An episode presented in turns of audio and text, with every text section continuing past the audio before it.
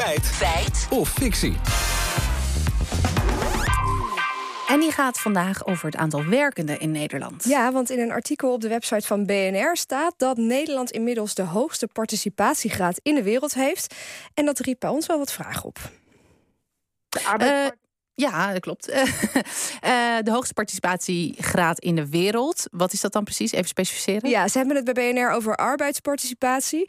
Natasja Wagner, hoogleraar internationale economie, vertelt daar ons het volgende over. De arbeidsparticipatie dat is een indicator die toont uh, welveel van de bevolking deelneemt aan het arbeidsproces. Maar daar um, onderscheiden we dan ook tussen de bruto en de netto-arbeidsparticipatie. In de bruto-arbeidsparticipatie worden ook de werklozen meegeteld.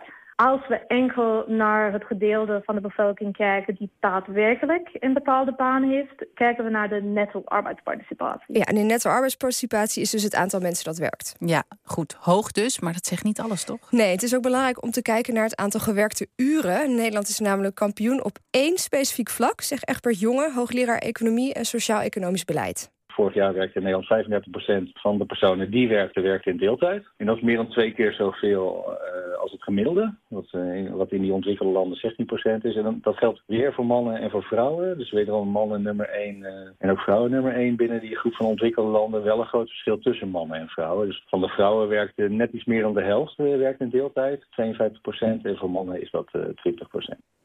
Oké, dus Nederland is ook nummer één qua deeltijd. uh, even terug naar die participatiegraad. Staan we daar nou ook op één? Ja, Jongen geeft ons de cijfers van de OESO, de Organisatie voor Economische Samenwerking en Ontwikkeling.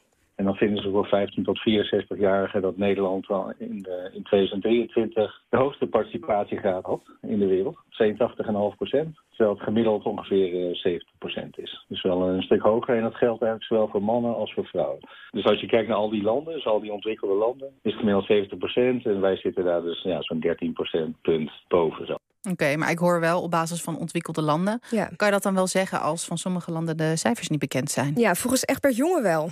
Uiteindelijk spiegelen we ons waarschijnlijk toch aan, uh, aan landen die ja, redelijk vergelijkbare mate van ontwikkeling hebben. Een beetje vergelijkbare instituties. En, uh, nou, en binnen die groep zeg maar, doen we het relatief goed. En eerlijk gezegd zou me ook verbazen als er in, uh, de, als er in andere landen, dus ontwikkelingslanden, hogere percentages zouden zijn dan in Nederland. Oké, okay. maar wat betekent het dan concreet dat wij de hoogste participatiegraad hebben? Ja, lijkt het wel op. Natasja Wagner legt uit dat dat alleen niet per se heel gunstig is. Die positieve kijk uh, naar Nederland is veranderd. En ook beleidsmakers maken zich uh, zorgen voor een gelijkheidsuitdaging tussen vrouwen en mannen. Vanwege het hoge aandeel vrouwen dat uh, deeltijd werkt. Ja, ook zal het niet veel doen voor de krapte op de arbeidsmarkt, zegt Egbert Jonge. Een van de manieren om er wat aan te doen zou misschien zijn het verhogen van de arbeidsparticipatie. Dat er meer aanbod is van, van, uh, van mensen. Maar ja, dat, daar zitten we dus al internationaal aan de top. Dus daar is gewoon niet heel veel te winnen. In ieder geval niet in personen. Dan zou je nog kunnen denken van ja, maar wacht eens even. Wij hebben die hele grote groep deeltijders. Kunnen die niet meer uren per week gaan werken? Tegelijkertijd hebben we wel gezien dat dat die deeltijdfactor niet heel veel veranderd is, zeg maar. Dus die uren die mensen gemiddeld per week werken, die zijn niet zo heel veel veranderd. Oké, feit of fictie? Ja, in een artikel op de website van BNR staat dat Nederland inmiddels de hoogste participatiegraad in de wereld heeft. Dat klopt, in Nederland is dat 82,5 procent tegenover een internationaal gemiddelde van 70,1 procent. En daarmee zijn we inderdaad nummer 1. De uitspraak is een feit.